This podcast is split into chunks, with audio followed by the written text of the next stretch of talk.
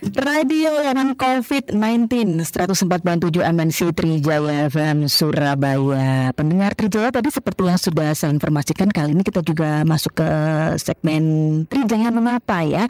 Dan sudah ada bintang tamu spesial yang sudah bersama dengan saya dari Kementerian Kominfo yang sudah bersama dengan saya ada Bapak Dr. Andes Wuryanta. Beliau adalah Direktur IKPMK Kemkominfo.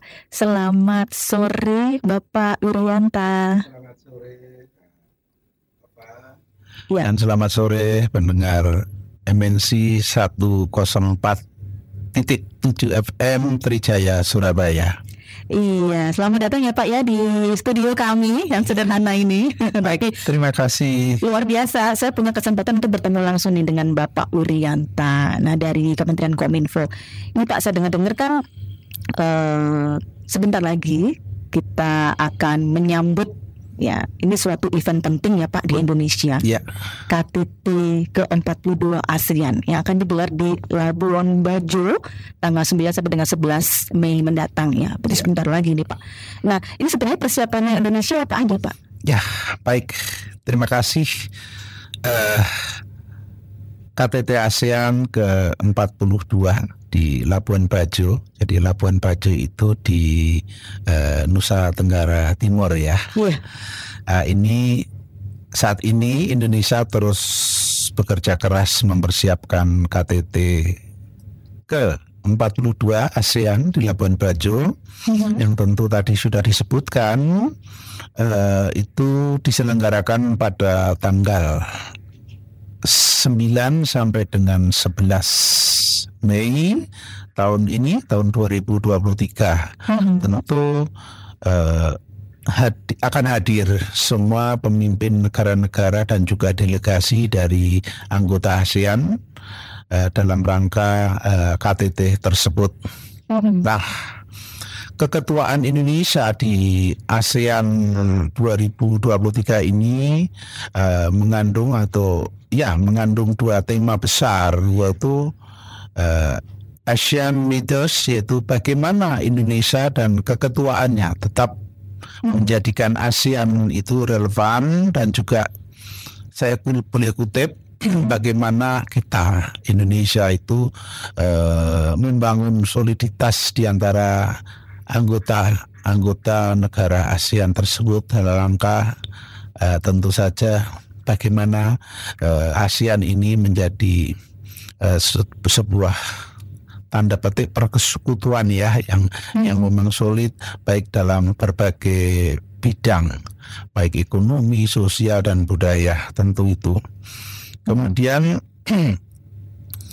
uh, tema yang berikutnya itu adalah epicentrum of growth di mana Indonesia ingin lebih mengkapitalisasi eh, posisi ASEAN itu sebagai pusat pusat pertumbuhan ya pusat pertumbuhan ekonomi yang punya potensi uh, tentu saja lebih tinggi uh, dari kawasan-kawasan uh, yang ada di dunia ini terutama potensi daripada kawasan Asia Tenggara itu hmm. menjadi uh, lebih terpandang daripada saat ini. Yeah. Kemudian uh, boleh saya sebutkan salah satu pilar daripada epicentrum of growth adalah ya sebetulnya ada juga itu disebutkan di dalam mm. apa ya kita sebut sebagai di ASEAN Socio kultural community atau social. Okay. di situ uh, terdapat yang namanya arsitektur kesehatan, di mana Indonesia memperkuat arsitektur kesehatan melalui One Health, yaitu pendekatan yang mengutamakan kinerja lintas sektoral dalam hal penyelesaian permasalahan permasalahan kesehatan ya tentu saja eh, bagaimana kita bersama-sama ASEAN negara-negara ASEAN itu eh, menangani semuanya ya kan ya. kemarin kita ini sebetulnya eh, setelah pasca COVID-19 itu tentu saja eh, di sana sini uh, memerlukan resources yang sangat besar untuk memulihkannya. Yeah. Itu itu yang uh, yang uh, berkaitan dengan COVID-19. Mm-hmm. Kemudian uh, penanganan penanganan kesehatan yang lain seperti uh, permasalahan uh, TB atau tuberkulosis, hmm. kemudian uh, endemi yang lain ya. termasuk bagaimana membangun ekosistem uh, lingkungan yang sehat di kawasan Asia Tenggara tersebut. Saya kira itu uh, yang penting dalam konteks uh, kalau tadi disebutkan konteksnya epicentrum of growth jadi epicentrum of growth itu tidak hanya uh, masalah ekonomi semata tetapi hmm. uh, masalah kesehatan itu sebagai penopang hmm. dan sebetulnya termasuk sumber daya manusia itu sebagai penopang uh, pertumbuhan ekonomi. Nah untuk itu uh, para pendengar MNC 104 titik tujuh FM Trijaya Surabaya itu eh, boleh atau silahkan eh, untuk informasi lengkap mengenai KTT ASEAN yang ke-42 ini bisa diakses di ya, di mana? ASEAN Pedia melalui link Ya ini sebetulnya kalau saya sebutkan saja nanti eh, tolong disampaikan lebih masif lagi mm-hmm. s.id slash ASEANpedia. Ini uh, informasi-informasi yang berkaitan dengan eh, KTT ASEAN itu uh, lebih lengkap daripada apa yang saya sampaikan pada kesempatan sore hari ini. Terima kasih. Iya, jadi segala macam update bisa diakses di sana ya Pak ya mungkin Betul. ya Betul. masyarakat Indonesia pengen tahu seperti apa sih sebenarnya perkembangannya gitu dan apa saja yang dibahas di KTT ke-42 ASEAN. Ini saya menarik ya, tertarik dengan uh, tadi statement One Health Nah, ini menarik Pak. Maksudnya di sini adalah uh, satu kebijakan untuk semua atau bagaimana Pak untuk pendekatan-pendekatan seperti penanganan tentang eh, permasalahan-permasalahan kesehatan seperti ya, tadi itu COVID, kemudian TB gitu ya Pak ya, dan juga penyakit-penyakit yang lainnya atau seperti ya. apa? Uh, sebetulnya yang uh, arsitektur kesehatan yang terkandung uh, di dalam One Health itu. Jadi hmm. pendekatannya adalah kita semua negara-negara ASEAN itu mengutamakan kinerja lintas sektoral.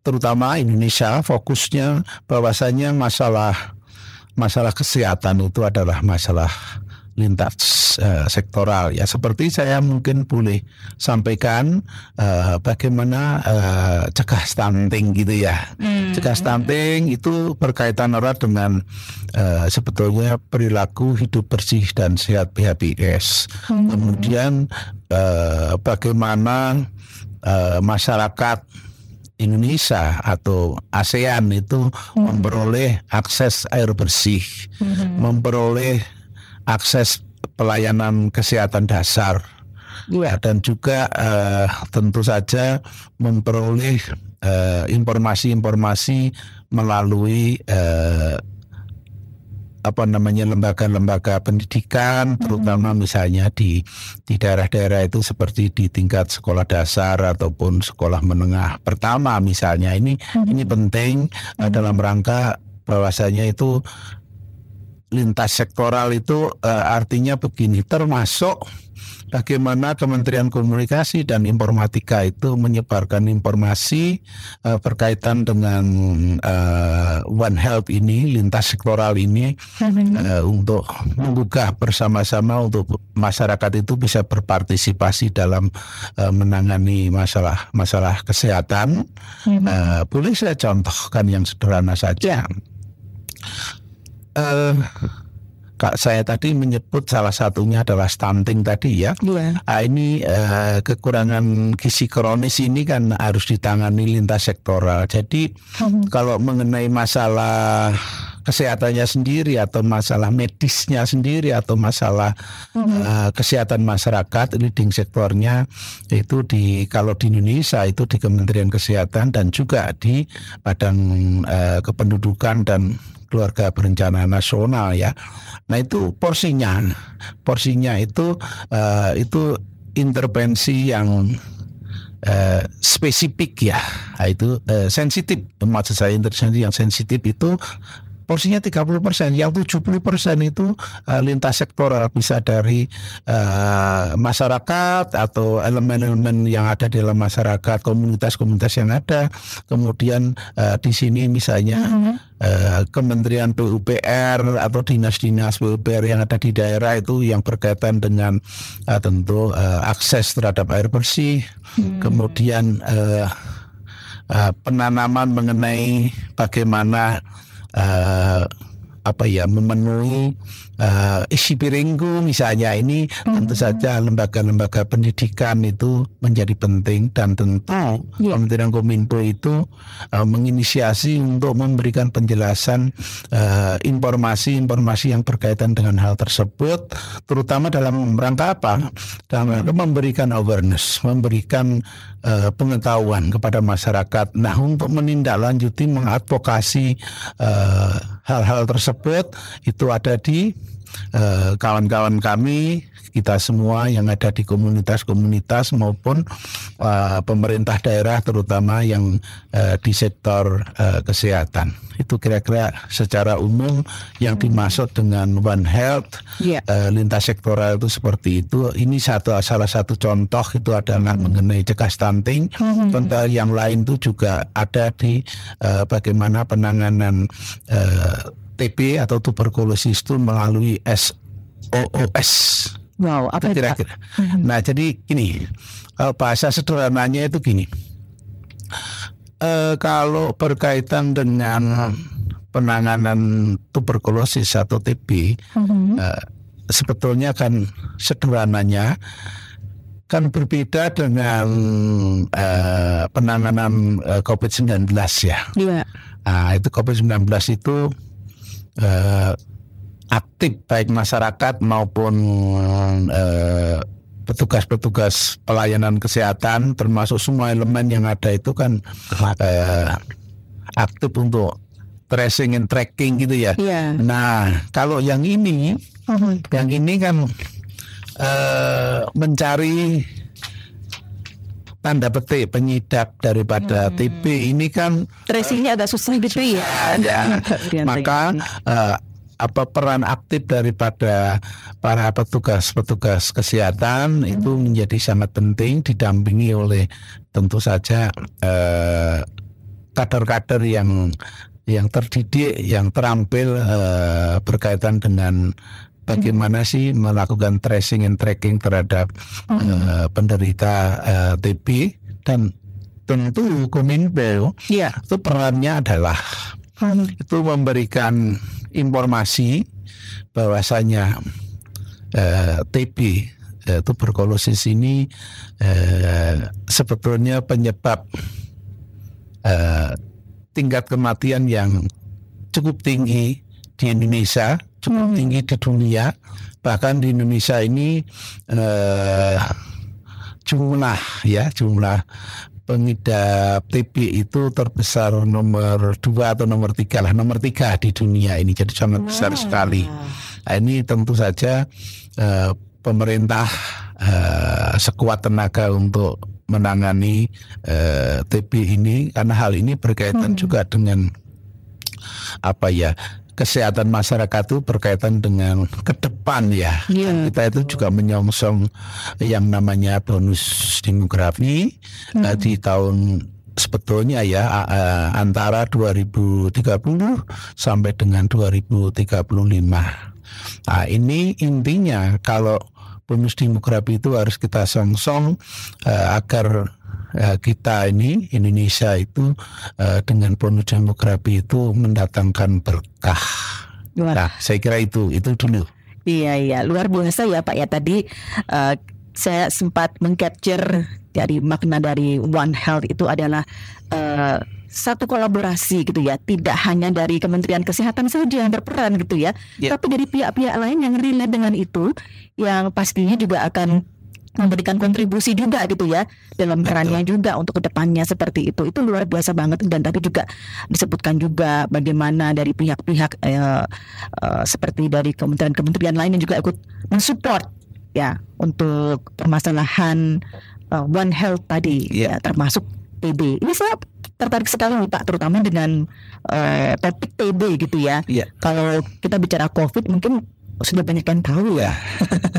tapi kalau TB mungkin ya rata-rata mungkin penglihatan dia sudah pernah dengar tapi masih belum familiar. Nah ini yang luar biasanya kita akan bahas lebih detail lagi ya Pak ya di segmen berikutnya. Baik, Bapak. Oke, pendengar terjaya jangan ke mana-mana kalau Anda ingin tahu lebih banyak lagi wah, tentang TB yang akan kita bahas ya penyakit tuberkulosis ini Anda bisa langsung bergabung di 0811 335 1047 Ya masih di Trijaya menyapa pendengar Trijaya dan kita masih ngobrol-ngobrol seru dengan Bapak Dr. Andes ini adalah Direktur IKPMK Kemkominfo Nah Pak Wirianta, ini seperti yang sudah saya sampaikan tadi ya, saya tertarik sekali dengan permasalahan penyakit TB atau TBC ya Pak, lebih tepatnya tuberkulosis gitu. Ya. Nah, tadi juga sempat disinggung sebentar, tapi mungkin banyak mendengar terjauh masih belum paham sih Pak, itu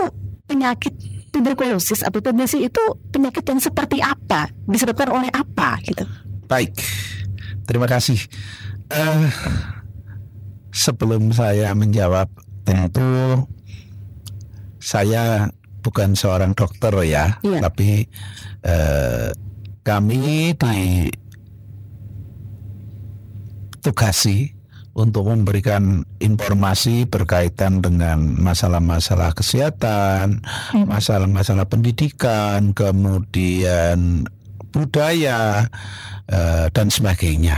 Nah, salah satu dari tugas saya adalah eh, menginformasikan yang berkaitan dengan masalah kesehatan. Eh, di dalamnya adalah tuberkulosis atau TB atau TBC. Nah, tentu penyakit ini sebetulnya sudah setua ya, sudah setua eh, manusia itu sendiri. Nah, Sudah lama ya. Dua sudah sangat lama sekali dan itu timbul tenggelam. Nah, itu sangat berkaitan dengan sebetulnya ya, sangat berkaitan juga dengan kondisi lingkungan, kondisi lingkungan hidup atau lingkungan ya lingkungan sekitar kita. Ah, terutama misalnya di dalam rumah ah, itu diperlukan ah, misalnya apa ya sirkulasi udara yang baik kemudian eh, apa misalnya di dalam rumah itu sesederhana apa pun harus tersedia yang namanya jamban sehat. Atau kalau dulu Iya. saya masih kecil itu juga eh, kalau dianjurkan untuk memiliki kakus atau apa ya WC ya Iya. eh, keluarga dan sebagainya ini salah satu upaya eh, dalam rangka untuk perilaku hidup bersih dan sehat dalam rangka untuk men- mencegah atau menekan yang namanya eh, TBC tersebut. Nah, Iya. TBC ini adalah penyakit yang disebabkan oleh infeksi bakteri. Jadi bukan virus ya. Jadi infeksi bakteri Mycobacterium tuberculosis. Hmm. Nah, Kalau bakteri harus berbati ya Pak ya. Nah, bakteri itu bakteri itu kan kalau virus itu kan eh, apa termasuk golongan hewan gitu ya. Hmm. Tapi kalau bakteri kan termasuk golongan tumbuh-tumbuhan. Hmm. Nah, ini ini kira-kira eh, perbedaannya di situ tentu memiliki karakteristik yang sendiri-sendiri juga. Nah, Hmm. ini merusak jaringan tubuh manusia dan biasanya menyerang paru-paru Hmm. biasanya itu menyerang paru sebagian besar ya bagian besar penderita TB atau TBC ini eh, menyerang paru-paru tetapi juga kita eh, temui juga menyerang organ-organ lain seperti Hmm. ginjal tulang belakang dan juga otak Wah. kita Ini saya baru dengar nih Pak, karena biasanya identik dengan paru-paru Iya. ya gitu ya. Tapi ini juga bisa menyerang organ lain ternyata. Ya, itu yang yang paling fatal itu salah satu salah satu yang paling fatal adalah yang menyerang eh, tulang belakang. Itu eh, tingkat tingkat kematiannya sangat tinggi ya. Nah, itu kira-kira itu. Kemudian siapa sih yang bisa terinfeksi oleh uh, TBC ini? Jadi TBC ini bisa menginfeksi siapa saja. Hmm. Tidak melulu orang dewasa, tetapi juga uh, bisa menyerang anak-anak. Tidak nah, panjang usia, ya, ya. tidak panjang usia, nah. yang uh, tentu hal tersebut dipermudah apabila uh, imunitas daripada kita semua mau orang dewasa mau anak-anak ini hmm. uh, memiliki imunitas yang rendah. Hmm. Nah, jadi yang yang rentan tentu yang imunitas yang yang relatif rendah itu kan orang orang orang lanjut usia ya. Betul. Kemudian anak-anak kita ini ya. tentu imunitasnya itu relatif rendah. Nah untuk menjaga itu kan hmm. uh, pemerintah itu kan menyelenggarakan program macam-macam salah satunya ya. adalah uh, gerakan vaksin ya vaksin nasional itu yang dimulai tahun lalu itu di bulan-bulan hmm. Mei sampai dengan Agustus tahun lalu itu sudah gencar sekali nah, itu okay. untuk anak-anak nah, ini ini salah satu upaya jadi ya. itu semuanya bisa terkena nah hmm. Boleh saya gambarkan tadi saya menyebutkan Indonesia nomor dua atau tiga ya, ya. tapi ternyata tepatnya nomor dua. Nomor dua. Ya, menurut data dari Badan Kesehatan Dunia, uh, itu dikatakan bahwasanya di tahun ya, di tahun 2022 hmm. saja itu di dunia itu ada 10,6 juta orang yang menderita TBC. Dan dari 10 itu itu eh, hampir ya hampir 2 juta eh, orang itu eh, meninggal dunia setiap tahunnya. Ini, ini kan berapa persennya ya? Kan luar biasa ini artinya eh, kalau boleh saya katakan hmm. karena orang kan cenderung itu eh, menyebabkan uh, kematian itu ya salah satunya adalah misalnya hmm. kecelakaan lalu lintas ya, ya. tetapi ternyata uh, TBC ini banyak orang yang abai ya Pak ya? Banyak orang yang abai. Sadar gitu ya. Nah, itu banyak orang yang abai. Nah, uh, tentu kalau di Indonesia ya, di Indonesia itu datanya yang boleh saya sebut ya. dari data yang ada itu 91 kasus TBC di Indonesia itu menyerang paru-paru. Hmm. Kemudian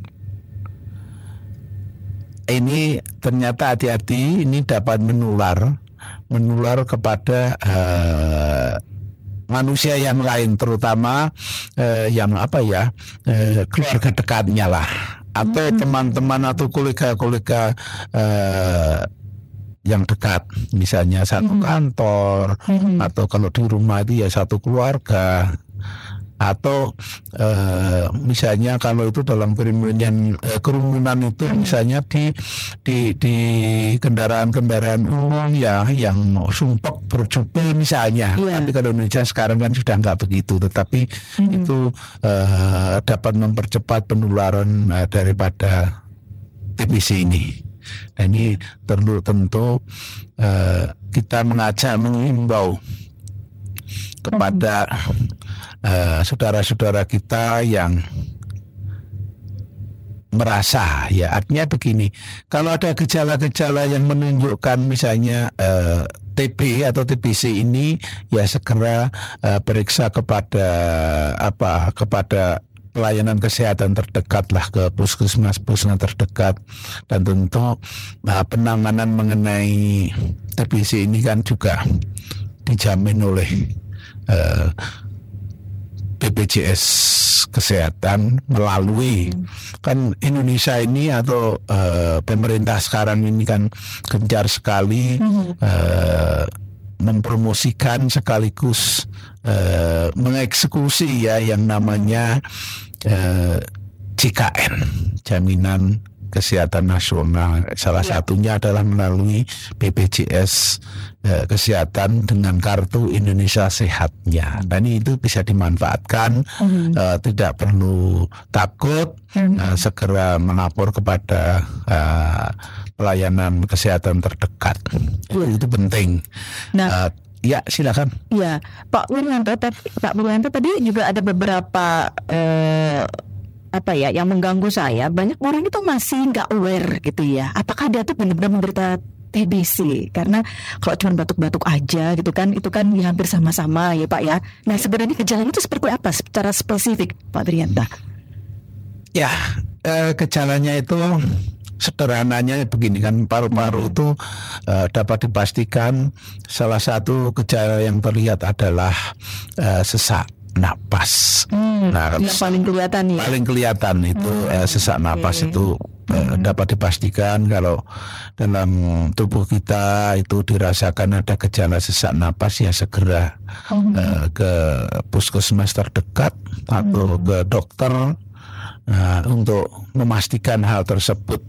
Hmm. Nah, makanya, tetapi di samping itu, eh, pemerintah tadi kan saya boleh sampaikan yang oh. eh, kegiatan atau program atau gerakan mengenai SOOS itu, hmm. eh, pemerintah itu aktif mencari Oh, justru pemerintah yang melakukan tracing ya? Iya, uh, oh. tapi kan ya mencari itu kan tidak mudah ya. ya Tracing dan trackingnya itu kan mm -hmm. tidak mudah. Maka mm -hmm. partisipasi masyarakat, partisipasi penderita atau yang merasakan gejala-gejala tersebut atau keluarga terdekat hmm. ada kalau bila ada saudara-saudaranya yang uh, memiliki gejala tersebut silakan Eh, memeriksa ke uh, puskesmas terdekat atau ke dokter terdekat. Oh, nah, tentu kalau menunggu uh, pemerintah melalui dinas-dinas kesehatan hmm. uh, setempat ini kan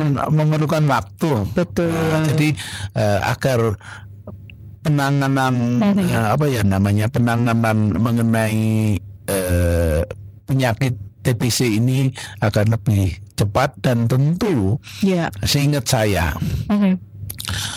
uh, eh, penanganan mengenai TBC ini diperlukan ya mm. diperlukan disiplin yang sangat tinggi mm. uh, oleh penderita yeah. Nah, ini memerlukan waktu uh, untuk pengobatannya aja misalnya itu harus hmm. rutin setiap hmm. hari minum obatnya dan itu sepanjang uh, tidak boleh putus di jalan hmm. itu selama harus satu konsisten, tahun ya? harus satu tahun itu eh sorry setengah tahun hmm. dan itu terus menerus dan itu tidak boleh tidak boleh punya jeda misalnya ya, kan misalnya ya minumnya ya. tiga tiga kali sehari. Ya, misalnya lah aku sampai lupa uh, ya. sekali tidak boleh.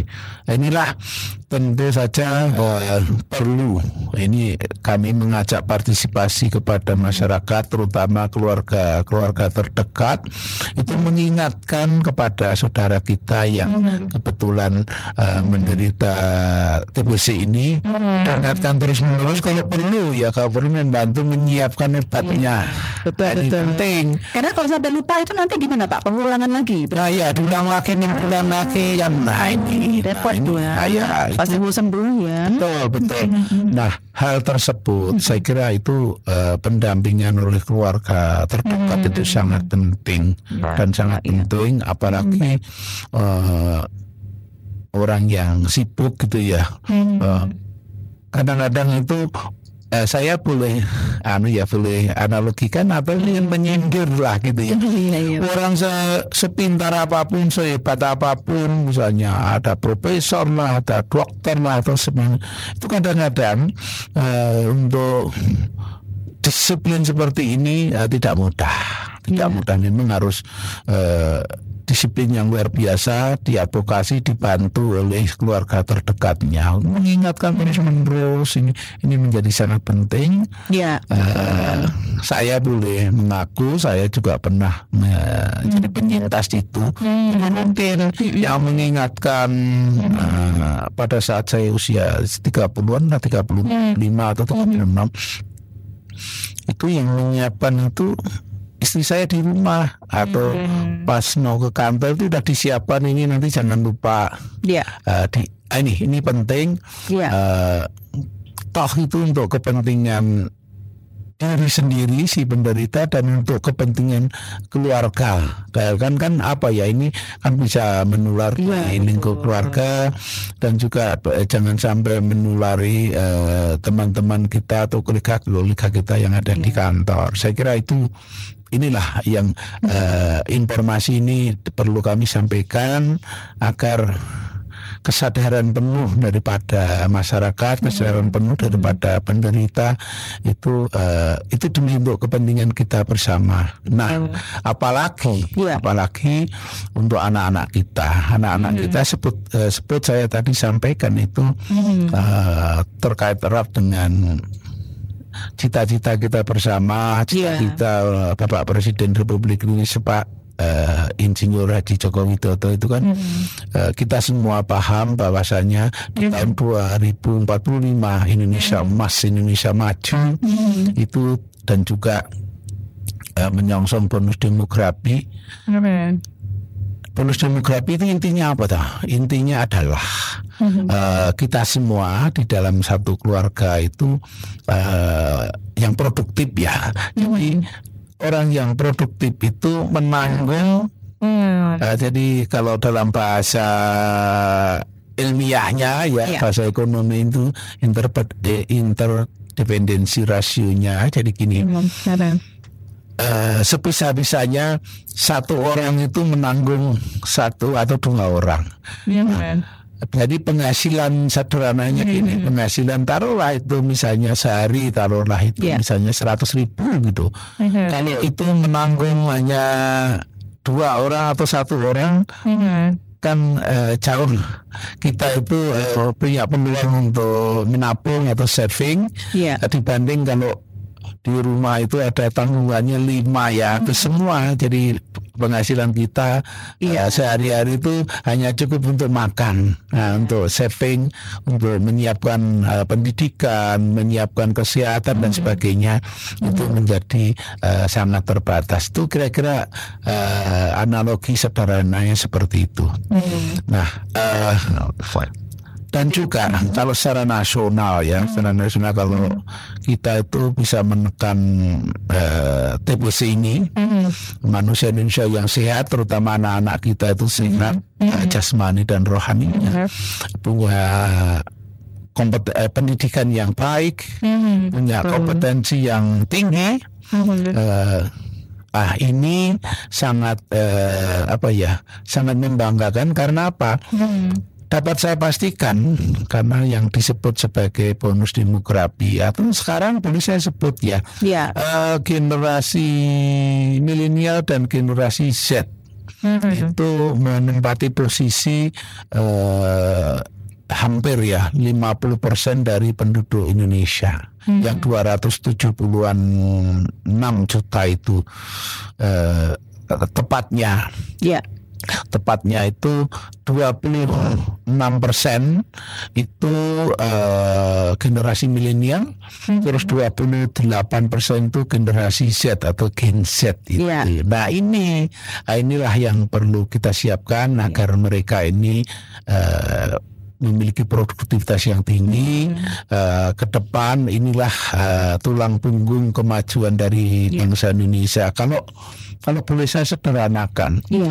Negara di mana pun di muka bumi itu dikategorikan menjadi negara maju.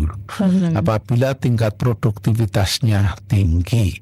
Iya. Tingkat produktivitas tinggi itu berkaitan erat dengan sumber daya manusia, bukan Iya. bukan semata-mata karena eh, negara itu makmur kaya itu dari sumber daya alamnya, tetapi sokongan terbesarnya adalah eh, produktivitas dari sumber daya manusianya. Itu mbak. Jadi SDM-nya berkualitas. Betul, ya, Pak betul, iya. ya. Jadi memang ya ini buat anda pendengar Trijaya, jadi kembali lagi ya untuk menciptakan SDM berkualitas itu kita harus aware juga tentang masalah kesehatan ya, terutama untuk penyakit TBC tadi ya, Pak Muri ya. Ya. Kalau sudah ada gejala-gejala yang khas ya, penyakit TBC langsung gitu aware sadar langsung segera memeriksakan diri dan peran dari support system terdekat, keluarga terdekat itu juga perlu ya Pak ya, Ya.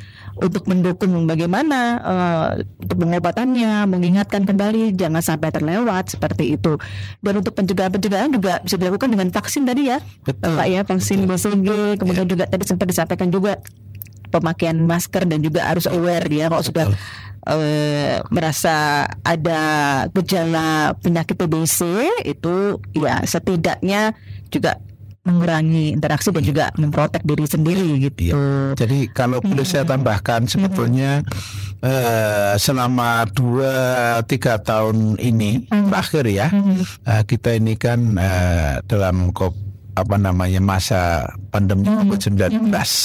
Jadi kita itu blessing ya, blessing case bahwasanya eh, tingkat kesadaran kita untuk apa apa ya eh, pakai masker, Iya. cuci tangan, ya dah? Iya, Cuci betul. tangan eh, pakai sabun di air yang mengalir atau pakai hand sanitizer. Satu lagi apa ya? Jaga jarak ya. Jaga jarak, Ah, ini ini Hampir ini sebetulnya ah, modal-modal sosial yang luar biasa eh, dalam rangka untuk menekan yang namanya eh, TBC ini.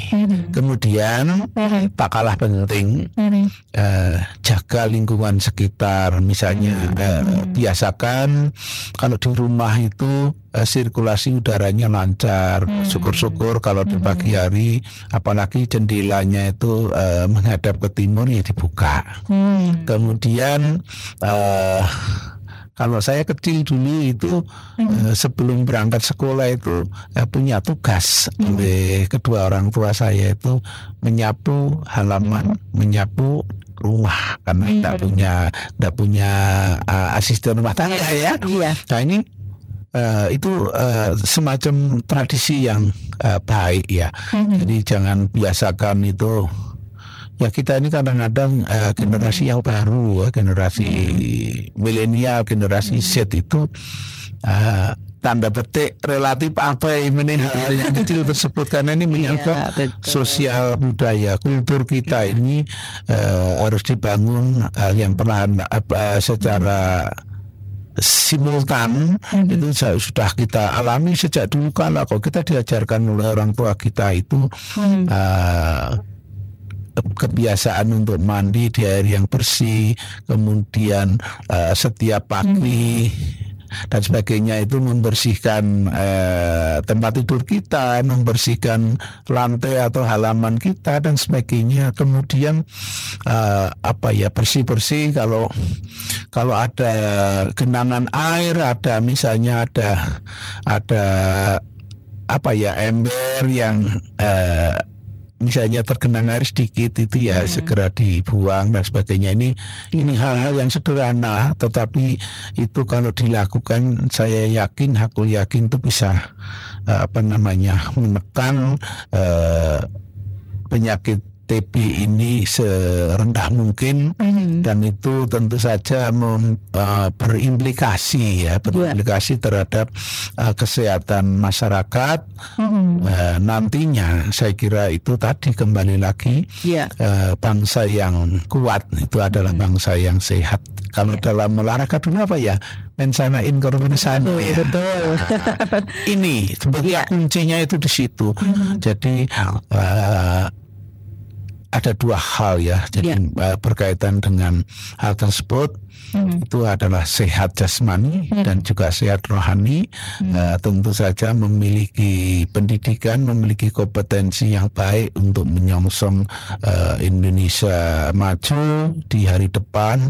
Syukur-syukur kalau kita semua punya cita-cita di eh, apa namanya ya eh, di Indonesia Emas itu di 2045 syukur-syukur lebih cepat lagi. Lebih cepat lagi. Kenapa? Kenapa? Eh, kalau kita ini kan eh, saat ini itu masih masih jajaran negara-negara yang berkembang. Iya. Betul. eh, eh, belum menuju ke emerging economic country. Nah, itu kurang lebih kan eh, pendapatan per kapita kita kalau saya hitung pakai dolar ya, itu kan 4.300-an US dollar per tahun.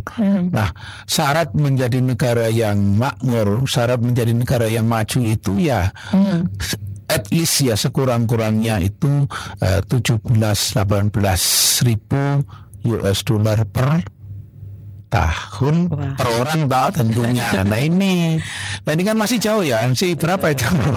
uh, ya hampir lima kali lipat lagi harus kita oh. tingkatkan. Nah, ini itulah perjuangan yang luar biasa dan tentu ya. ini harus di speed up uh, di speed up itu wah ayo kita hapus uh, uh, apa tadi ya kita cegah mengenai penyakit-penyakit mm-hmm. yang uh, menular tersebut yeah. uh, insya Allah kita cita-cita uh, kita bersama itu akan uh, lebih cepat apa yang kita targetkan lebih cepat apa yang uh, pemerintah atau negara targetkan. Saya kira itu Mbak Papa. Targetnya berapa Pak ini?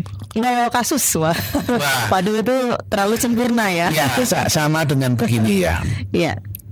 Uh, kalau saya ingat itu angka uh, kalau konteksnya dengan ASEAN tadi yang SOCA ya. tadi ya, ya. socio uh, cultural community. Hmm. Nah itu kalau Pak Presiden itu mentargetkan kalau stunting itu di tahun 2024 ya. itu kan 14 persen. Ya. Badan badan dunia, ya. uh, badan kesehatan dunia itu WHO ya. itu uh, standarnya hanya 20 persen. Ya. Tapi Pak Presiden kan ngotot 14. Optimis itu Pak. Optimis. Uh, kalau TBC Pak? Uh, nah ini sebentar.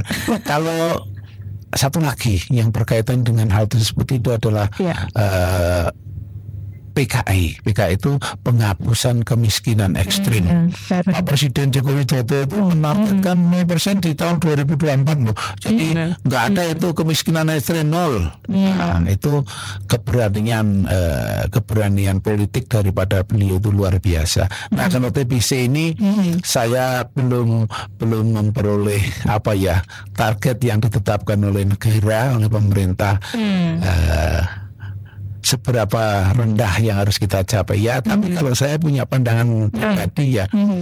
ya namanya cita-cita ya. Yeah. Kalau bisa ya nol persen gitu. Atau kira-kira itu. Tapi kalau yeah. uh, uh, target dari pemerintah mm. memang saya belum memperoleh informasi yang mm. uh, bisa uh, saya sampaikan mm. pada masyarakat. Mm. Tetapi uh, prinsip dasarnya bagaimana menekan serendah mungkin uh, uh, penderita daripada uh, TBC tersebut. Demikian, Mbak. Oke, kalau untuk pesan-pesan yang ingin disampaikan Pak mungkin untuk pendengar Trijaya masyarakat Surabaya pada umumnya ini gimana Pak? Baik. Uh, terima kasih para pendengar MNC 104 78 FM Trijaya Surabaya. Nah tentu saya selaku apa ya namanya uh, diminta untuk menyampaikan eh, untuk memberikan paling tidak menginformasikan bahwasanya Indonesia eh, dalam paling tidak dalam dua tahun terakhir uh, sukses ya sukses menyelenggarakan event-event internasional baik itu GPDRR yang ada di Bali, mm-hmm. kemudian G20 yang ada di Bali juga, kemudian uh, Asian Para Games yang ada di Solo, kemudian nah yang terakhir ini uh, sukseskan KTT ke 42 ASEAN di Labuan Bajo, Nusa Tenggara Timur. Mm-hmm. Kesuksesan eh, KTT ke-42 ASEAN ini adalah sukses bangsa Indonesia, mm-hmm. sukses eh, negara-negara Asia Tenggara terutama yang tergabung dalam ASEAN. Demikian, terima kasih. Baik, terima kasih Pak Brianta untuk waktunya. Tadi sudah memberikan banyak sekali ya informasi yang luar biasa, informasi penting dan ada juga menginspirasi kita semua untuk sadar akan pentingnya kesehatan, ya Pak ya. Dan terima kasih juga sudah hadir di sini Pak Brianta. Pendengar Trijaya nanti kalau Anda masih penasaran, ini boleh cek di mana Pak untuk informasi-informasi yang update tentang KTP ASID kan di s.id slash ya. Kalau TBC di mana Pak?